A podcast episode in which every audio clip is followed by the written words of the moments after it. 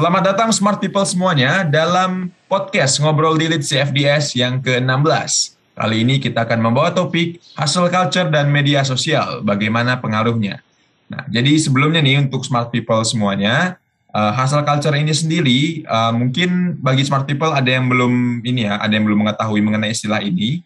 Jadi adalah istilah yang digunakan untuk menggambarkan sifat bekerja seseorang yang melampaui batas dan juga dengan anggapan bahwa kesuksesan akan diraih apabila ia bekerja dengan sangat keras sehingga terkadang tidak memiliki waktu untuk beristirahat ataupun melakukan hal-hal lainnya. Jadi hasil culture ini sendiri juga dapat diartikan bahwa um, gimana ya seseorang harus uh, selalu bekerja keras uh, setiap waktu dengan istirahat yang, yang bisa dikatakan minim demi mencapai suatu tujuan atau kesuksesan tertentu uh, bagi orang-orang tersebut.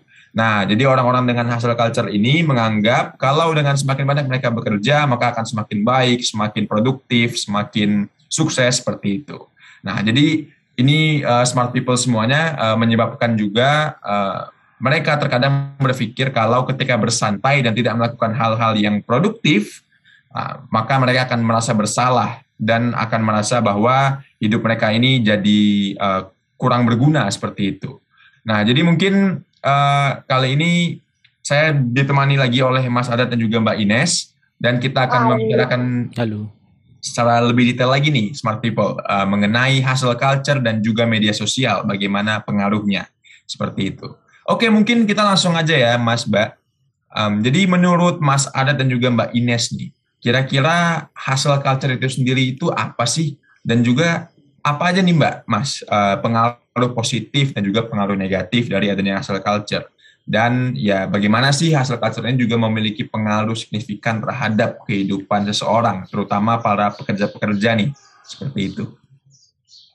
Iya, uh, kalau dari aku ya sebenarnya hasil culture ini kan uh, istilah yang yang sedang banyak ya di terutama di kalangan anak muda sekarang ya yang memang terutama di Indonesia juga banyak uh, perusahaan-perusahaan rintisan gitu hmm. yang memang uh, menginspirasi uh, anak-anak muda untuk bekerja itu ya memang harus uh, untuk bisa mendapatkan sesuatu itu harus kerja keras gitu meskipun sebenarnya uh, selama kita misalnya ngelihat di di dunia entertain atau di apa di dunia olahraga gitu ya sebenarnya kita juga ngelihat uh, mereka itu bisa mencapai level yang seperti itu juga nggak nggak gampang gitu ya. Ini ini ini ini kita ngeli, ngelihat sebuah uh, culture kerja ya yang yang yang orang-orang yang sukses gitu lah. Dan memang ada ada yang sampai nggak tidur. Aku pernah baca uh, salah satu bukunya Dalan Iskan ya ketika dia menjadi jurnalis itu pekerjaannya nyaris 24 jam dia bekerja untuk uh, mencari berita, kemudian dia menumbuhkan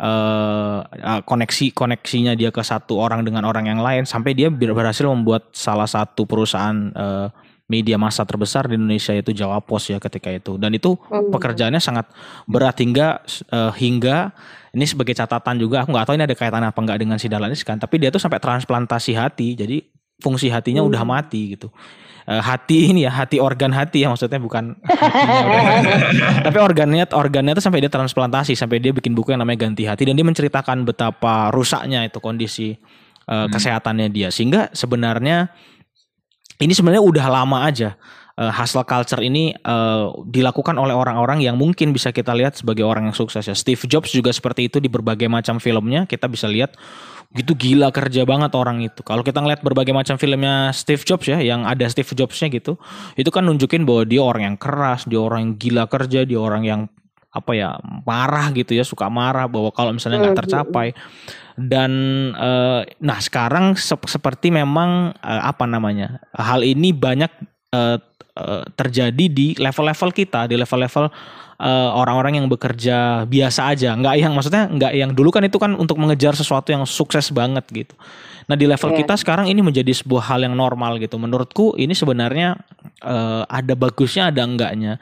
Di beberapa negara berkembang seperti Indonesia uh, mencari pekerjaan itu kan susah ya yang pertama ya. Maksudnya uh, apalagi di tengah pandemi kayak gini kita tuh nyari kerjaan tuh susahnya bukan main.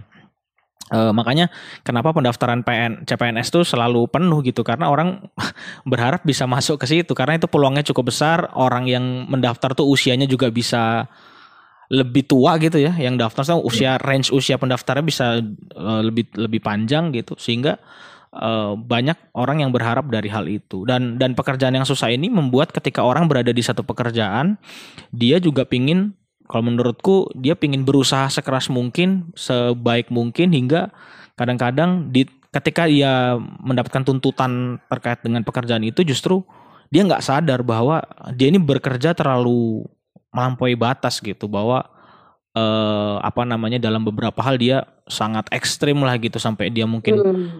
berangkat jam 7 ada istilah kalau di Jakarta itu mungkin Ines bisa cerita uh, bahwa kadang pulang eh berangkat belum ke belum ketemu anaknya atau anaknya masih tidur pulang anaknya juga masih tidur anak gitu. Udah tidur. Iya, anak udah tidur sehingga nggak ada waktu sama sekali untuk interaksi kalau yang udah berkeluarga gitu. Sehingga hal-hal ekstrim seperti ini sebenarnya terkadang sekarang di era sekarang tuh di, di dibikin manis aja gitu. Bahwa ini adalah hal yang biasa kok.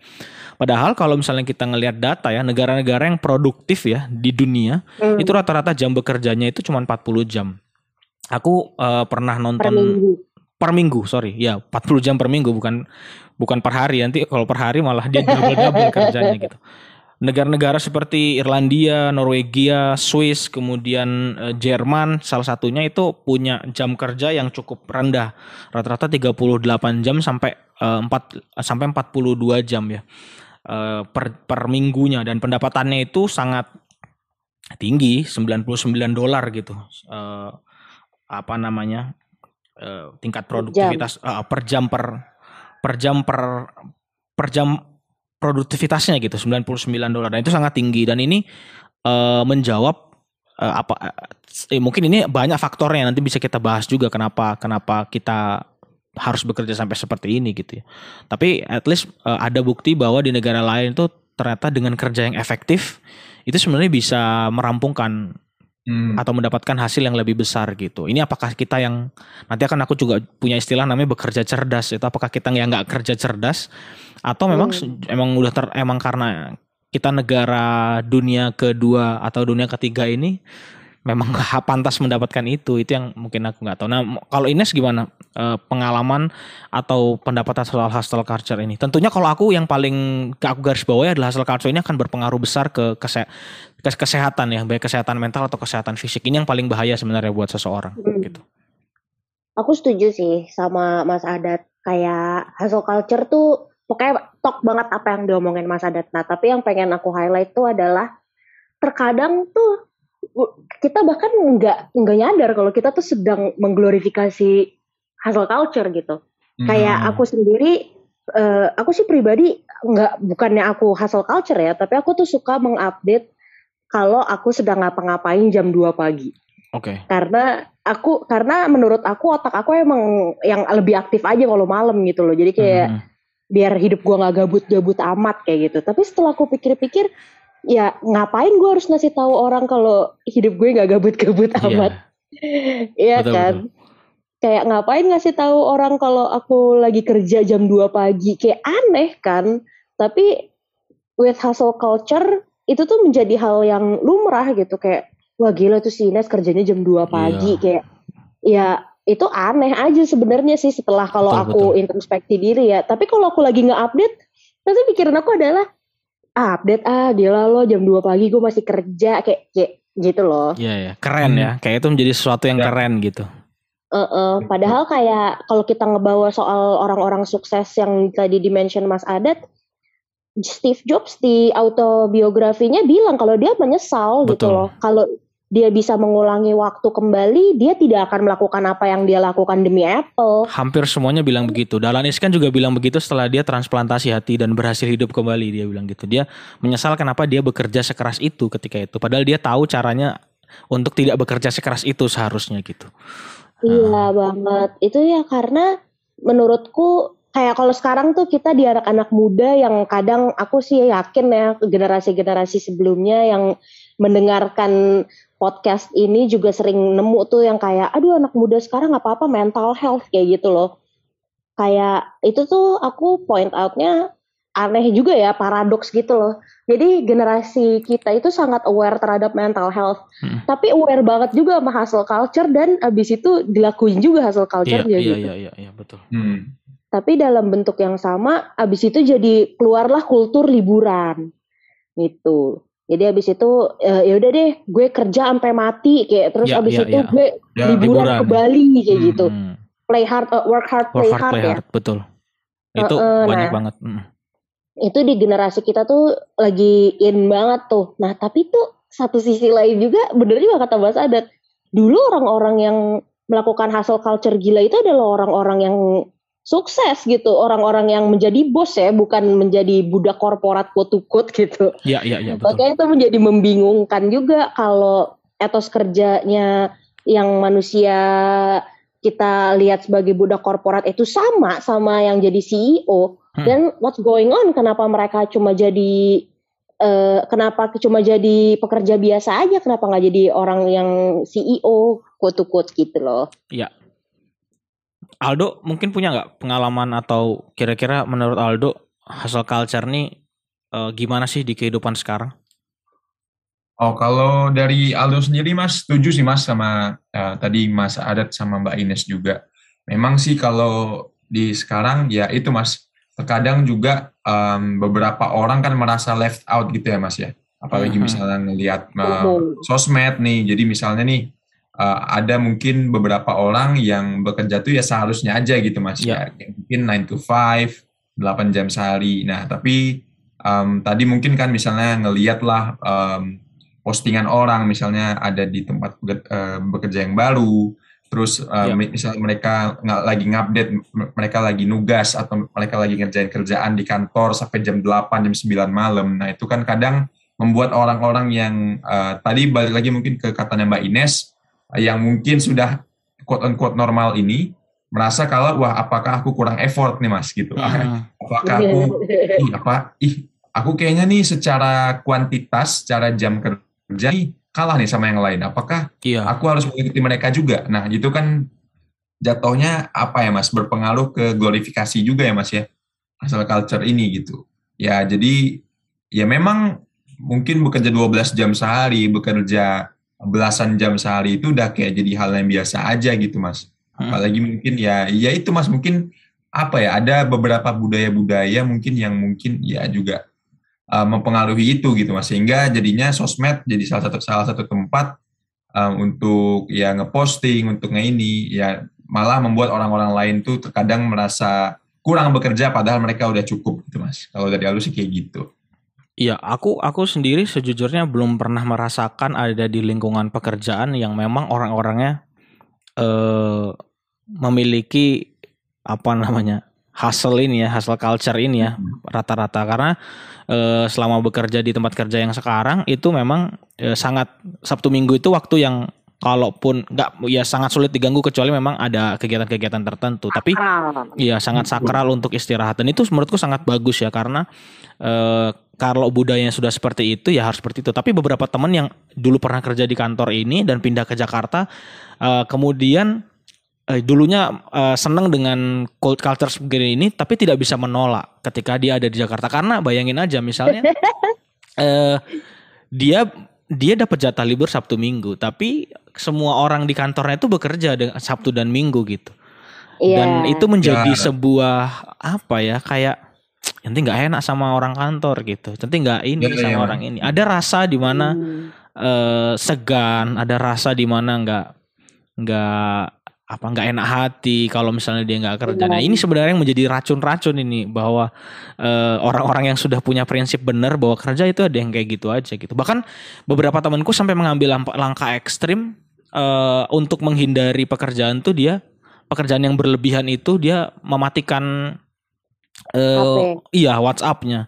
hmm. kayak matikan HP-nya selama Sabtu dan Minggu. Dan ini menurutku agaknya agak bahaya juga sih sebenarnya, karena karena keperluan kita kadang-kadang bukan untuk kerjaan nih kalau yang teman-teman kan, yeah. tapi iya. jadi nggak bisa ngubungin jadinya Sabtu dan Minggu dan kita kesulitan untuk ngubungin. Ada yang kalau mau kontak Sabtu dan Minggu email aja gitu, WhatsAppnya akan aku offin gitu-gitu. Jadi banyak banget kasus-kasus ekstrim kayak gini. Dan memang kayaknya yang jadi masalah itu ketika kita udah masuk ke lingkungan baru yang memang kita nggak tahu seperti apa. Maksudnya kita kan tidak bisa memilih ya kita memilih pekerjaan kita ya tapi kan kita tidak tahu kira-kira kita nggak pernah punya bayangan nanti pekerjaannya akan seperti apa gitu nah itu kadang-kadang terjebak di situasi hustle culture ya maksudnya menjadi dia menjadi Iya. korban dari hustle culture yang mau nggak mau dia melahirkan eh, pribadi-pribadi baru yang juga akhirnya em, apa ya?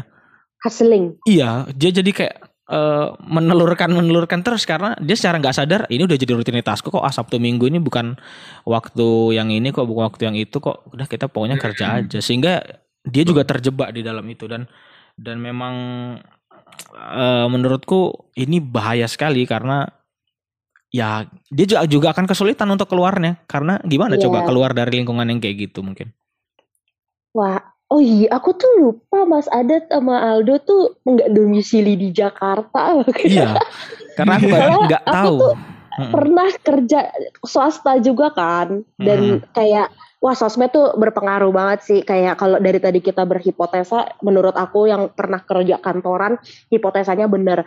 Karena jadi aku pernah nih kayak aku tuh Sabtu Minggu sukanya nonton anime kan. Jadi Hmm. aku nonton anime kayak ah gila this is well deserved rest. Aku kerja kayak kuda dari Senin Ya. sampai Jumat gitu. Ya.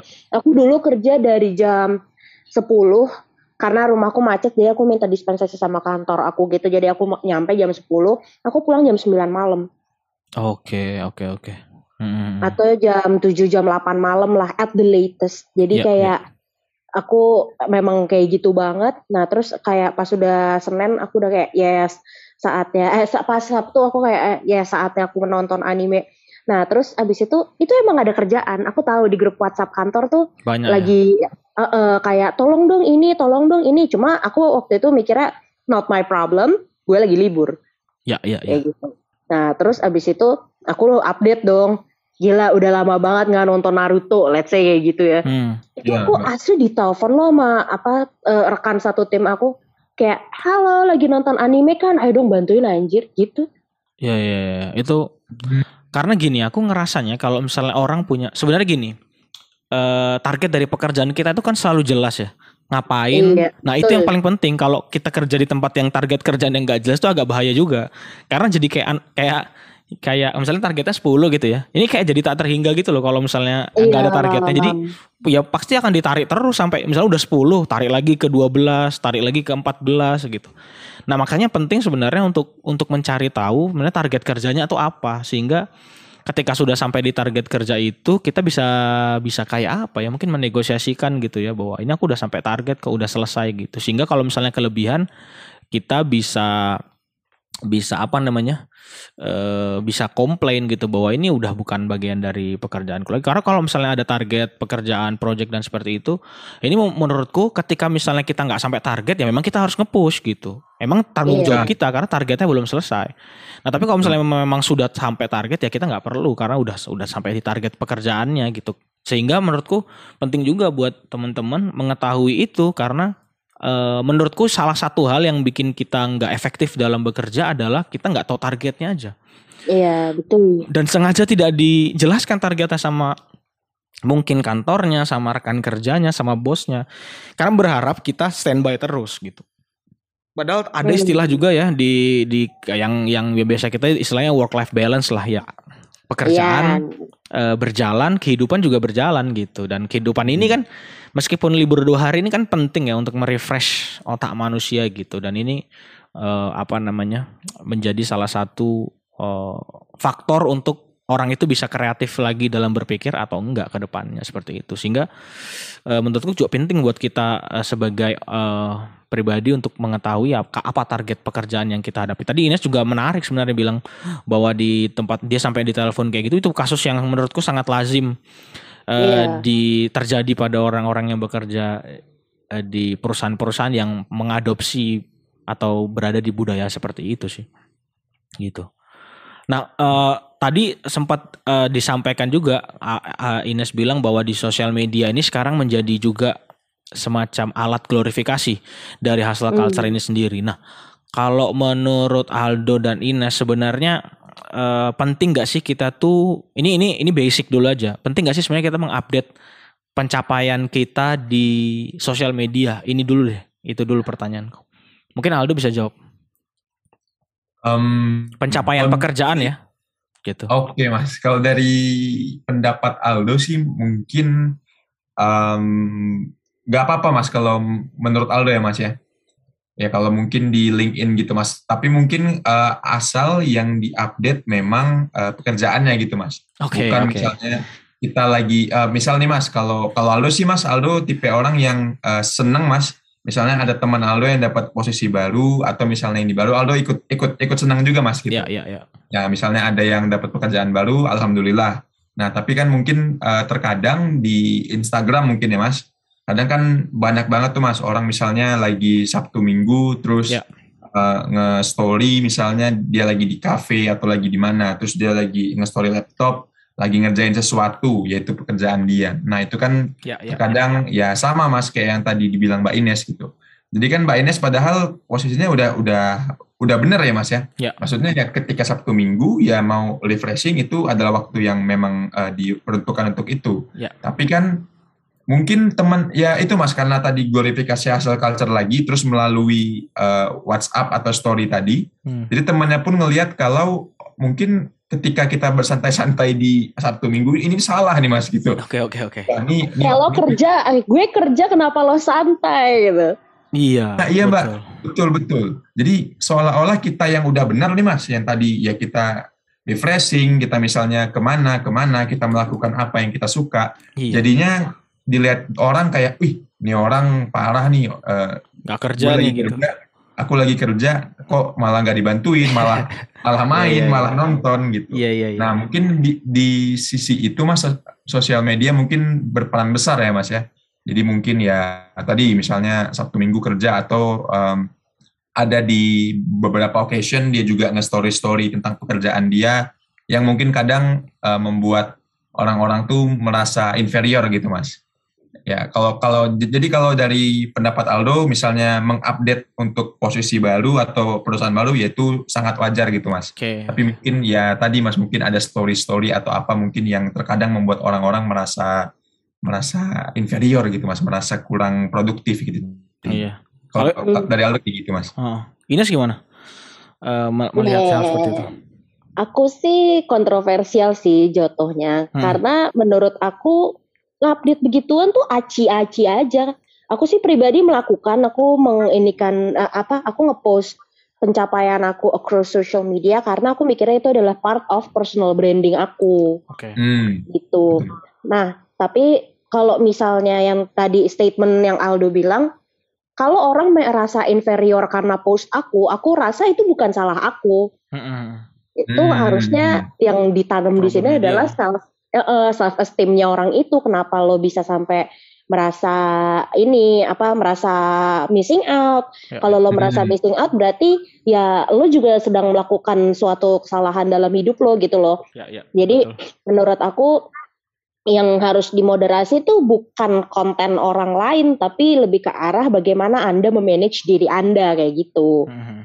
Nah, cuma yang paling aku benci adalah konten-konten yang kayak Aldo bilang tadi membuat seakan-akan kayak gue begini lo gimana Ya ya ya. gitu. Kayak yang Hmm. eksplisit bukan berbagi kebahagiaan jatuhnya malah jadi kayak lo lo ngapain lo ngapain kayak gitu. ah iya mbak betul betul betul Ya ya. itu adalah konten-konten yang paling aku benci. Misalnya kayak, eh, let's say ada satu kejadian yang sama gitu ya. Misalnya Mas Adat sama Aldo gitu. Ya. Mas Adat baru keterima di salah satu eh, tech multinational yang keren banget. Mhm. Terus abis itu ngomongnya adalah Alhamdulillah aku ter- keterima setelah kerja keras bla bla bla bla bla keterima di multinational kayak gitu. Sama Aldo yang ngomongnya eh, di umur segini aku sudah masuk multinational Ya, ya, company ya, ya. ya kan betul, kayak betul, menurut aku tuh hustle culture tuh sebenarnya mau yang alhamdulillah mau yang apa namanya di umur segini sama-sama hustle culture tapi yang at least yang satu lagi tuh ada manfaatnya bersyukur gitu loh Iya iya iya. Iya iya betul. Kadang tuh emang agak tipis-tipis ya ngelihat satu sosial media antara pamer atau dia tuh bersyukur ya. Itu agak agak-agak Iya.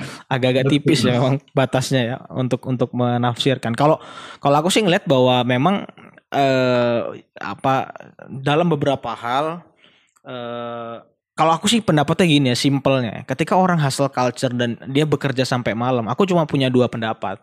Yang pertama, mungkin dia siang tuh nggak kerja. Jadi maksudnya mm. mungkin dia kerjanya emang malam gitu kan ya nggak apa-apa juga sih kan kan kadang-kadang kita ngerasa ini orang kok kerjanya malam terus ya jangan-jangan emang dia shift malam gitu maksudnya emang dia kerjanya malam so nggak apa-apa ya, juga ya. gitu itu itu haknya dia kan siapa tahu dia siangnya tidur jadi dia tetap sehat aja gitu. Kalau kamu punya pola yang sama terus setiap hari kan nggak ada masalah ya gitu. Ya masa kita uh, bakal marahin satpam yang jaga malam gitu kan nggak mungkin karena itu pekerjaannya emang jaga malam gitu. Itu misalnya seperti ya, itu. Ya. Nah tapi yang kedua adalah aku selalu bilang antara itu yang pertama, yang kedua apa jangan-jangan ini orang nggak nggak bekerja dengan tepat tadi seperti aku bilang di pertama ketika hmm. hari-hari hmm. biasa gitu. Uh, karena setiap siangnya aku lihat dia tuh ya dia bekerja di kantor tapi beberapa temanku ya bekerja di kantor tapi ya kayak bercanda-bercanda gitu. Terus ketika malam wah banyak kerjaan ini aku merasa harusnya sih nggak gini sih harusnya nggak gitu. Maksudku uh, ini ada yang salah dengan aku atau mungkin itu pencitraannya dia juga lah kita nggak pernah tahu ya mungkin pencitraannya dia ya. adalah menjadi korban dari keganasan uh, apa industri atau perusahaan gitu itu juga bisa jadi hmm. tapi menurutku aku selalu punya cuma punya dua pendapat itu ter terkait orang-orang yang mungkin melakukan posting terhadap pekerjaannya gitu dan dan ini yang paling bahaya mengeluh dari mengeluh dari pekerjaan yang dia lakukan sendiri dan dia pilih sendiri itu menurutku agak kacau sih menurutku orang-orang yang kayak gitu. Kenapa dia mengeluh di sosmed uh, terkait pekerjaan yang dia pilih dan dia lakukan sendiri dan dia tidak berusaha berkompromi soal itu. Maksudku apakah dia ingin mendapatkan feedback dikasihani, dipuji atau apa? Itu kan juga sebagai rac agak racun ya kalau di sosmed ya hal-hal yang seperti itu. Ya. Iya sih. Uh, apa namanya? Kalau yang Ines bilang tadi mungkin uh, bahwa orang merasa inferior karena kita posting kita benar-benar pingin posting maksudnya ya emang kita ya masa aku nggak boleh posting misalnya aku uh, sekarang dipindah ke Singapura gitu itu kan mungkin kebahagiaan pengen aku share nggak apa-apa lah ya. Nah, aku yeah. dan, dan aku jarang-jarang juga share nah kalau misalnya itu bagian dari pembuat pembuatan uh, branding kita menurutku nggak masalah dan selama orang ada yang merasa itu bermanfaat ya uh, ya. itu tuh juga nggak masalah karena yang bahaya adalah kita ada di zona bermanfaat kita sendiri nih. Jangan-jangan orang-orang udah pada jengkel tapi kita merasa oh ini bermanfaat kok menurut uh, tapi iya banget, iya ternyata nggak ada ternyata nggak ada tuh yang support kita gitu dengan hal-hal itu. Nah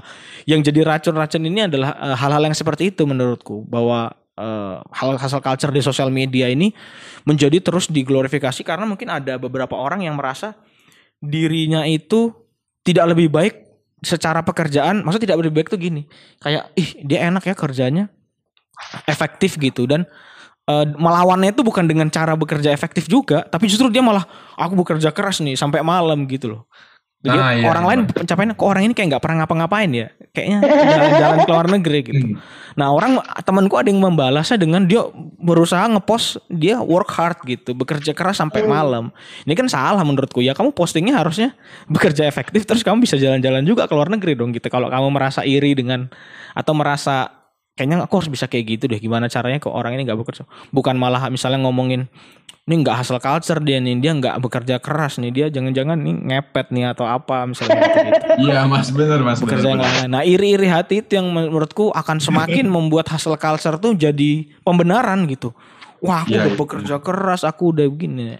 Jadi eh, akhirnya eh, menjadi hal-hal yang menurutku kurang baik ya ke depannya sehingga sehingga memang media so ada orang-orang sekarang juga mulai mulai meninggalkan sosial media nih. Ini menarik juga nih fenomena ini nih. Hmm. meninggalkan ya, sosial media ya.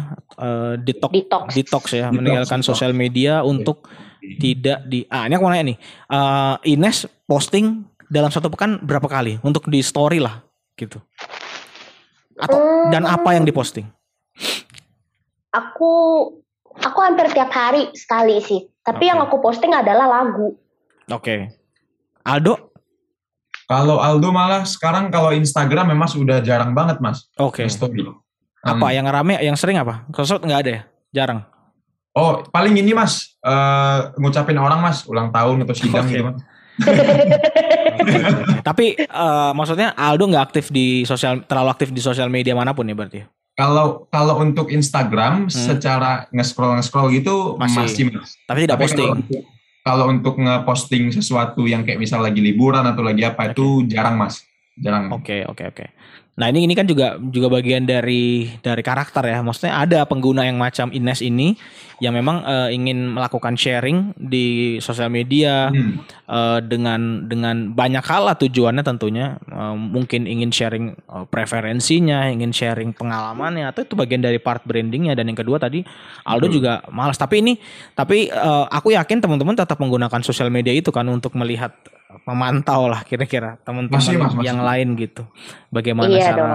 Iya, karena menurutku uh, aku sendiri juga jarang menggunakan sosial media untuk dia posting kecuali memang harus ya untuk terkait pekerjaan atau apa. Uh, tapi memang untuk melihat kira-kira oh nih sekarang lagi temanku lagi kayak gini nih temanku lagi kayak gini. Ya memang memang kadang-kadang uh, dalam hati itu merasa kok keren ya gitu. Tapi kok dia kayaknya nggak nggak ngapa-ngapain ya tapi kok dia liburannya ke sini ya gitu-gitu. Itu menurutku adalah hal yang selalu muncul ya di kalangan kita terutama terutama ini mungkin yang baru-baru lulus nih misal Aldo gitu temennya udah lebih duluan dapat pekerjaan lain itu sangat mengganggu sih menurutku uh, dalam dalam satu hal satu hal gitu. Tapi menurutku uh, kemudian balik lagi ke hasil culture hal-hal tersebut sebenarnya bisa kita hindari dengan detox tadi dengan detox ya, sosmed ya. Mungkin kita bisa stop untuk melihat seperti itu. Dan itu dan itu aku belum pernah sejujurnya tapi nggak tahu mungkin orang yang udah pernah. Tapi menurut temanku yang detox sudah enam bulan satu tahun hidupnya lebih cerah katanya gitu. Hidupnya lebih cerah gitu. Melihat hidup betul, lebih cerah betul. gitu. Nah, ini menarik juga sebenarnya. Tapi persoalannya lagi muncul persoalan kedua dari hasil culture yang misalnya kita berhasil detox. Persoalannya sekarang kita dalam era pandemi yang mana hmm. kita kembali lagi nggak bisa ketemu orang lang langsung gitu. Sehingga pekerjaan-pekerjaan yang kita lakukan itu harus dilakukan secara uh, online. work from, oh, online work from home rata-rata dan kita nggak berinteraksi dengan orang nah ini mengembalikan lagi efek dari hustle culture tadi yang mana WhatsApp itu kayak 24 jam udah iya. uh, kita dianggap setiap hari ready dengan WhatsApp gitu. Kalau menurut teman-teman gimana dengan pandemi ini? Apakah ini yang semakin mendorong wah hasil culture ini sebenarnya semakin kencang lagi ke depannya? Ya, iya sih. Tapi kayak in moderation gitu loh menurut aku. Karena uh, menurut aku orang tuh nggak berubah pada dasarnya. Kalau dia emang orang yang hasil culture yang tiap hari ngepost kalau dia ya. ada di kantor till apa two in the morning, dia akan melakukan itu lebih parah pada saat pandemi. Ya, ya. Tapi hmm. buat orang-orang yang emang nggak melakukan hal itu, dia tidak akan melakukan hal itu gitu. Tapi kayak aku yakin sih pandemi ini membuat kan aku sendiri sih merasain ya persepsi waktu aku tuh jadi jelek banget gitu loh hmm, pada iya, saat ya, pandemi. Setuju, setuju. Kayak menurut aku bulan lalu tuh Juli gitu. ya. I, I forgot about time dan menurut aku itu bisa jadi memperparah hasil culture juga sih mungkin kayak iya nih gue udah ngerjain proyek ini berminggu-minggu gitu ya, ya ternyata udah dua bulan ngerjain proyek itu kayak gitu hmm. kalau lu gimana dok kalau melihat uh, pandemi ini menyebabkan mendorong percepatan dari hasil culture ini tersebarnya kalau dari aku sih setuju mas karena mungkin ada juga apa ya mas pengalaman dari uh, teman-temanku juga mas jadi ya mereka misalnya di di Senin Jumat ya mereka ini uh, mereka rapat tuh Zoom dari pagi sampai uh, sore gitu kan Mas. Ya. Dan terkadang Mas ada juga uh, katanya beberapa kliennya gitu ya Mas ya atau ya, ya. beberapa rekan kerjanya tuh kadang ngechat tuh jam 11 malam gitu Mas, jam 10 malam. Hmm. Nah, itu kan sebenarnya yang di luar jam kerja ya Mas ya. Tapi ya tadi Mas mungkin karena uh, setuju juga tadi sama Mas Adat karena pandemi dan juga karena work from home, jadi ya orang-orang mungkin mengira wah ini kan nggak ke kantor nih, ini kan nggak ini nih. Iya iya. Jadi iya. Oh, iya, standby, iya. Standby banget kan Mas Mbak. Jadinya oh ya udah maksudnya yang mungkin sebelumnya kita nggak wajar Mas ngechat orang soal pekerjaan jam 11 malam, tapi karena lagi WFH nggak ke kantor juga, oh ya udah jadi chat aja lah gitu. Betul. Tidak ada alasan hmm. untuk tidak pegang handphone. Nah iya betul Mbak, apalagi kan sekarang ya ini ya Mas kan kita zoom juga di laptop, di HP, terus hmm. apa meeting, email itu kan semuanya di HP. Nah, jadi mungkin ya bener banget Mas kalau dari aku setuju ya ketika pandemi WFH ya, jadi hasil culture juga semakin di ini lagi Mas, semakin diglorifikasi lagi gitu. Iya. Betul. Mungkin mungkin ini salah satu ciri apa beberapa ciri dari hasil culture ya. Tadi kita sudah bahas bahwa mungkin kita berada di lingkungan sosial yang memang membentuk hasil culture itu sendiri. Kita ada di lingkungan pekerjaan sehingga hmm. uh, di lingkungan sosmed bahkan ya, bukan hanya di real life tapi di sosmed juga membentuk kita hmm. bahwa uh, "Wih, kamu kok umur segini kok belum punya belum rumah, punya tabungan, belum punya iya, rumah, belum punya, punya rumah, mobil, gitu. belum menikah. Dia nggak tahu kalau Nel Sanders tuh nemuin KFC itu di umur berapa? Coba dicek itu kalau Nel Sanders sama yang sama yang bikin sama yang nemuin yang memperpopulerkan McD kan juga di usia tua. Jadi sebenarnya nggak ada itu. Itu itu sebenarnya ini aja sih apa namanya? Pembenaran aja sebenarnya pembenaran. Pembenaran akan uh, usia. Tapi uh, itu tadi yang pertama, konstruksi sosial uh, atau mungkin lingkungan sekitar ya tadi yang hmm. membentuk kita membuat kita menjadi hasil culture seperti itu. Salah satunya uh, misalnya rekan teman-teman kita lebih sukses, uh, orang tua kita hmm. juga melihat itu terus kemudian kok kamu gak kayak gitu. Itu juga problem ya pertama. Aduh. Sehingga membuat ya, hasil culture ini terus membudaya di di di antara kita. Nah, yang kedua tadi Aldo yang sebut Aldo eh, yang disebut uh, Aldo dan juga Ines yaitu uh, terkait dengan teknologi ya. Karena kita udah nggak bisa lepas nih dari HP Zoom sekarang udah ada di HP juga. Maksudnya iya. orang mau alasan apa? Ma maaf Pak saya lagi di satu-satunya yang bisa kita lakukan untuk menghindari rapat adalah sinyal saya jelek. Untungnya Indonesia ya. sinyalnya nggak merata. Alhamdulillah. Nah, jadi kalau misalnya mau rapat-rapat dadakan sekarang tuh sudah agak sulit. Maksudnya gimana? Saya lagi di luar Pak, ya nggak apa-apa di luar kan masih ada sinyal kan gitu. Ini kamu masih bisa iya. balas chat saya gitu-gitu loh. Di akan di Uber terus gitu. Karena teknologi ini juga membantu dalam satu hal tapi yeah. juga membuat uh, apa ya? Uh, enabling. Iya, uh, gimana ya bahasa Indonesia-nya enabling hal itu gitu. Betul betul me me mempermudah lah hal itu terwujud hasil culture itu terwujud. Nah tadi sehingga uh, menurutku dua hal itu menjadi salah satu uh, ciri ya ciri dari hasil culture bahwa uh, atau penyebab dari hasil culture itu munculnya dari lingkungan sekitar juga dan juga kemajuan teknologinya ini menurutku makin ke depan ya hasil culture akan terus tadi seperti yang kita udah bahas di sebelum podcast ini bahwa di Cina aja udah ada istilah 996 tuh Yeah. Ya, 9 9 AM nah. to 9 PM, to 9 PM 6, 6 days, days a, week. a week. Ya gila itu banget 12 jam. Bahkan eh 12 jam. Eh 12 jam ya? Ya, 12, 12 jam, jam kali 6, 72 jam gitu. Gila banget itu. Di tiga hari 72 betul, jam. Betul betul. Dan dan menurutku ini ini persoalannya sangat sangat erat ke anak-anak muda.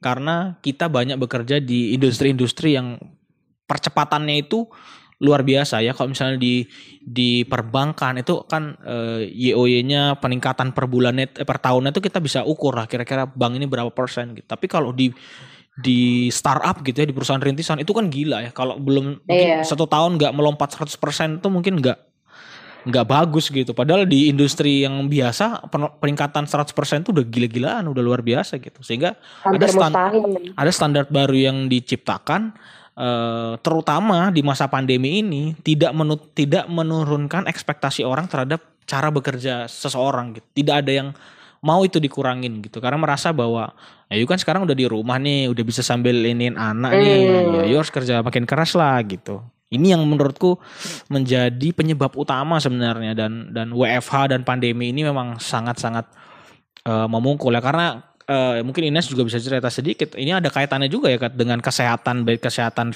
fisik maupun kesehatan mental nantinya. Ada iya, ada istilah ber, ada istilah burnout, ada istilah hmm. uh, stres lah apa segala macam itu tentunya akan muncul ya pasti ya ketika nanti kita ada di fase udah capek banget di kerja gitu. Oh, aku tuh pernah punya pengalaman sih soal sakit ini. Jadi ya. aneh banget sih waktu itu. Aku kerja waktu itu uh, Senin uh, dari Senin sampai Jumat, Sabtu, Minggu, Senin lagi. Yep. Jadi aku 8 hari tuh kerja dalam seminggu, okay, okay, gak ada libur. Terus abis itu overnight trip karena apa namanya waktu itu kliennya minta nginep apa aku nggak bisa begitu uh, ingat karena ini. Terus aku sakit bener-bener sakit sesakitnya sakit sakit banget. Terus aku periksa darah dong untuk mm -hmm. mengetahui apa yang terjadi gitu. Yeah, yeah. Nah terus abis itu pas periksa darahnya dokter datang si dokternya kebingungan kayak hmm. loh ini apa -apa, kamu gitu. kerja apa sih oh, gitu. mbak kok hasil darah kamu tuh aneh dia bilang gitu terus aku hmm. langsung deg kan jadi itu kalau menurut saya kamu tuh alergi stres baru tahu aku ya, kayak, ada alergi stres aku juga baru tahu aku sampai ketawa di dalam ini jadi okay, dia okay. bilang aku alergi stres karena jadi dia bilangnya waktu kamu datang kan kamu baru pulang kerja kan. Nah, Hmm. itu alergen di darah kamu tuh tinggi banget Oke. gitu. Nah, tapi begitu kamu datang tiga hari kemudian kan aku cuti kan karena Ya, ya, ya. sakit. Nah, itu tuh alergennya turun. Mhm. Jadi konklusi dia adalah kamu sakit, eh, kamu alergi stres, hindari stres. Terus aku ingat jawaban aku cuma kayak gini. Tapi dok, saya perempuan umur 20-an tinggal di Jakarta, nggak Hmm. mungkin saya nggak stres. Iya iya iya. iya. Terus si dokternya cuma kayak, ya nggak bisa kalau kamu kayak gini terus kamu akan sakit-sakitan. Kamu Betul. pilih mana, kaya atau sakit-sakitan? Gue bilang gitu. Terus aku kayak diem gitu merenung. Pilihan yang Aku sulit. hanya pekerja gitu. Iya. Aku bukan CEO loh. Betul betul. Mungkin kalau CEO mungkin tidak terlalu capek secara fisik ya, mungkin capeknya secara Iya. mental ya.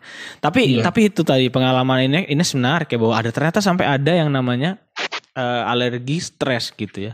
Eh, Teman-temanku beberapa mengalami gangguan kecemasan akut tuh karena Ah iya, karena anxiety. karena dia ter- kayak diteror terus sama pekerjaan tuh. Dia ngerasa diteror terus sama pekerjaan. Ini belum selesai ini belum selesai ini belum selesai. Eh, tapi kemudian setelah dibedah sebenarnya adalah cara bekerjanya dia ternyata. Setelah ngobrol dengan ini cara bekerjanya dia yang sangat tidak efektif. Dan ini menjadi persoalan lagi ya ke orang-orang yang mengamini bahwa hasil culture harus dilakukan.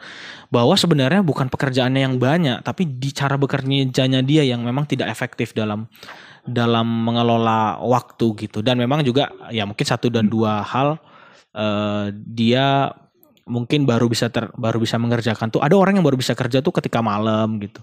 Ada orang yang Ya. baru bisa kerja itu ketika nah itu yang mungkin agak susah tuh dikompromikan. Karena jam kerjanya dia di kantor kan 9 9 to 5 gitu ya atau 9 Ya. to 4 tapi dia kerjanya bisanya idenya baru bisa lancar kalau jam 2 pagi ketika sholat eh, apa sepertiga malam gitu sholat tahajud gitu itu kan juga menarik loh gimana cara menyeimbangkannya tapi ternyata bisa sampai itu ya bisa sampai berpengaruh ke kesehatan ya Nes ya ke Iya sih. hasil Aku culture soalnya kayak gitu mas, aku tuh baru, eh, aku kan kerjanya peneliti kan, Ya, ya. dulu eh, pas swasta sama sekarang gitu, aku, jadi kerja aku adalah mikir, sementara aku baru bisa mikir kenceng tuh di atas jam 10 malam, gitu. Betul betul Makanya aku keluarin apa eh, post-post sosmed jam 10 malam eh, kerja itu tuh salah satunya adalah lap- bentuk laporan terhadap bos. Kayak Hmm. gue kerja loh gitu loh. Bisa juga ya Kayak itu ya. pernah aku kerja gitu kayak ya. gitu. iya iya iya Iya mungkin. Aku Iya. sih mungkin nggak nggak mendiskonkan fakta. Ada juga smart people yang menggunakan sosmed untuk kayak laporan sama bos, bos gue kerja loh. Kan tadi siang gue di kantor nggak ngapa-ngapain kayak gitu. Iya, itu iya, iya. ada juga pasti gitu. Nah jadi waktu itu tuh eh, aku waktu itu nyiasatinnya lebih ke eh, jadi pas aku datang kantor, aku tuh ngelis oke apa aja yang harus dipikirin malam ini. Terus Hmm. habis itu sisanya aku istirahat. Jadi Oke. malamnya pas aku kerja tuh ya nggak sesakit-sakit, ya, nggak sakit-sakitan lah intinya iya gitu. iya betul betul Hmm. Oke. Ya itu itu salah satu dampak ya, salah satu dampak dari eh, hasil culture ini bisa bisa mengganggu kesehatan juga. Tadi udah kita contohin di awal bahwa orang-orang banyak sih orang sukses, tapi ya itu kan seberapa sih? Sama lah kalau kayak kita bilang eh apa namanya?